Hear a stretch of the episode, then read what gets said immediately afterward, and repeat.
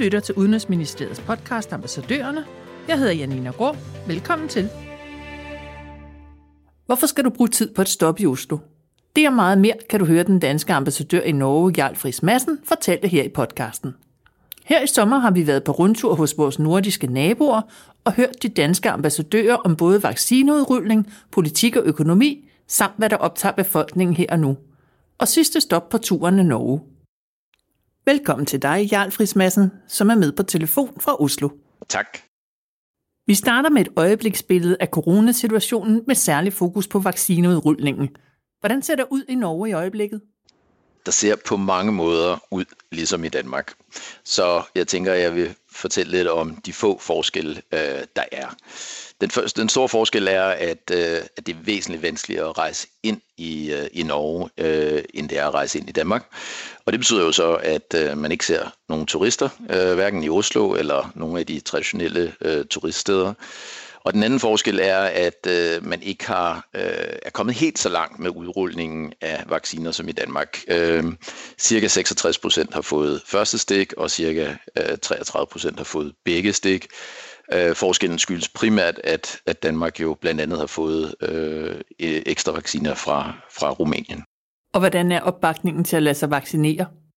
Den er stor, og, øh, og det vil sige, at øh, efterhånden som Norge får sine vacciner, og, og Norge er jo en del af, af, af det samme program, som, som EU, alle EU-landene er, fordi Danmark og, og Sverige hjælper øh, Norge med i, i den aftale, øh, så tror jeg, at øh, op imod 95 procent af, af befolkningen vil lade sig vaccinere. Der er meget, meget stor opbakning til vaccineprogrammet her. Hvordan ser det ud politisk i Norge i øjeblikket? Politisk er det sådan, at der er valg om, om ganske få uger til Stortinget, og, øh, og det er selvfølgelig det, der dominerer. Valgkampen er i fuld gang. Man har haft otte år med borgerligt øh, styre. Erna Solberg er meget kompetent statsminister, som jeg tror, den danske befolkning har, har lært at kende, ikke mindst her i de seneste år. Hun har styret effektivt. Hun har haft mange forskellige øh, koalitionspartnere. De første seks år var det sammen med Fremskridtspartiet, men derefter også sammen med små partier som Venstre og Kristelig Folkeparti. Men de sidste to, eller de to partier, de øh, ligger under spærregrænsen. Øh, Fremskridtspartiet er gået meget tilbage. Selve Erna Solbergs parti Højre ligger sådan set relativt godt i meningsmålingerne, men det er ikke nok til at, at vinde valget. Så der er meget, der tyder på, at man dels blandt de norske vælgere er lidt træt af, af de kendte ansigter og gerne vil se nogle nye. Men så er der også nogle politiske temaer, øh, som selvfølgelig påvirker det her valg. Det første er, at der er en en betydelig ulighedsdebat. Øh, man diskuterer, om, om der ikke er begyndt at komme for stor ulighed i, øh, i den norske befolkning, både på det, man kalder formue, øh, ulighed og så indkomst. Og indkomstuligheden den har været stigende, men det er især formuerne, hvor der er sket øh, store forskelle. Så det, det kører øh, venstrefløjspartierne øh, hårdt på. Den anden ting, øh, som man har meget diskussion af, det er byerne, og især Oslo, kontra regionerne, altså landområderne. Og der har der været en, en opfattelse af, at, at, øh, at, at der har været for lidt opmærksomhed i forhold til udviklingen i, i, øh, i regionerne i Norge, og, øh, og det står meget højt på den politiske dagsorden, og det er, er noget, som især et, et parti, der hedder Centerpartiet, som også ligger på venstrefløjen, kæmper hårdt for. Så de tre ting i kombination kommer til at afgøre valget, altså at de to små borgerlige partier kæmper med at komme over spærregrænsen, at Fremskridtspartiet går tilbage, og så de her to temaer, ulighed og by kontra land. Og hvem forudsiger du så kommer til at vinde valget? Ej, det tror jeg med meget stor sandsynlighed øh, bliver en, den rød-grønne koalition, hvis man kan kalde det det. Øh, det vil sige øh, venstrefløjen, og, øh, og det bliver øh, højst sandsynligt med Jonas Gahr Støre som statsminister, og han er altså leder af Arbejderpartiet svarende til Socialdemokratiet i Danmark. Og hvordan ser det ud økonomisk op hos vores rige nabo Norge? Ja, det er jo et øh, meget velhavende land på mange øh, måder. BNP er øh, 10 til, til 15.000 højere dollars per capita højere end i Danmark. Og derudover, som jeg tror de fleste danskere ved, så har øh, Norge jo en stor opsparing i form af en oliefond. Og øh, det forhindrede selvfølgelig ikke, at øh, norsk økonomi øh, blev ramt af pandemien. Det gjorde øh, den i høj grad, øh, faktisk med en meget stor arbejdsløshed øh, til følge. Men, men den er kommet hurtigt øh, ned igen. Og netop takket være oliefonden har man kunnet skyde rigtig mange penge ind i øh, økonomien. Det er så astronomiske tal, at det kan være svært at, at forholde sig til, men, men, men 420 milliarder øh, norske kroner øh, skød man ind for oliefonden i 2020, og, øh, og 402 øh, milliarder her i, i 2021. Og det er ikke sådan, at man ikke også, når der ikke er krise, øh, skyder penge ind for oliefonden, for sådan er konstruktionen, at der hvert år bliver ført penge ind i økonomien, men man har selvfølgelig ført ekstra mange penge, fordi der har været en krise. Så det har holdt hånden under økonomien, men derudover er der som i mange andre lande, et opsparet øh, forbrug, kan man sige, så der har været store opsparinger, og nu er der forbrugsfest øh, i Norge.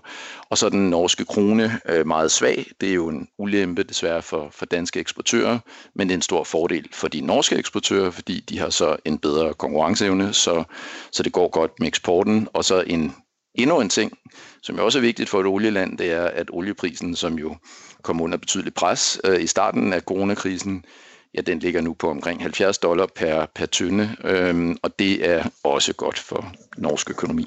Vi skal også kigge på, hvad der optager befolkningen her og nu. Er det 10 år for Ydøjer, eller er det OL, eller er det noget helt tredje?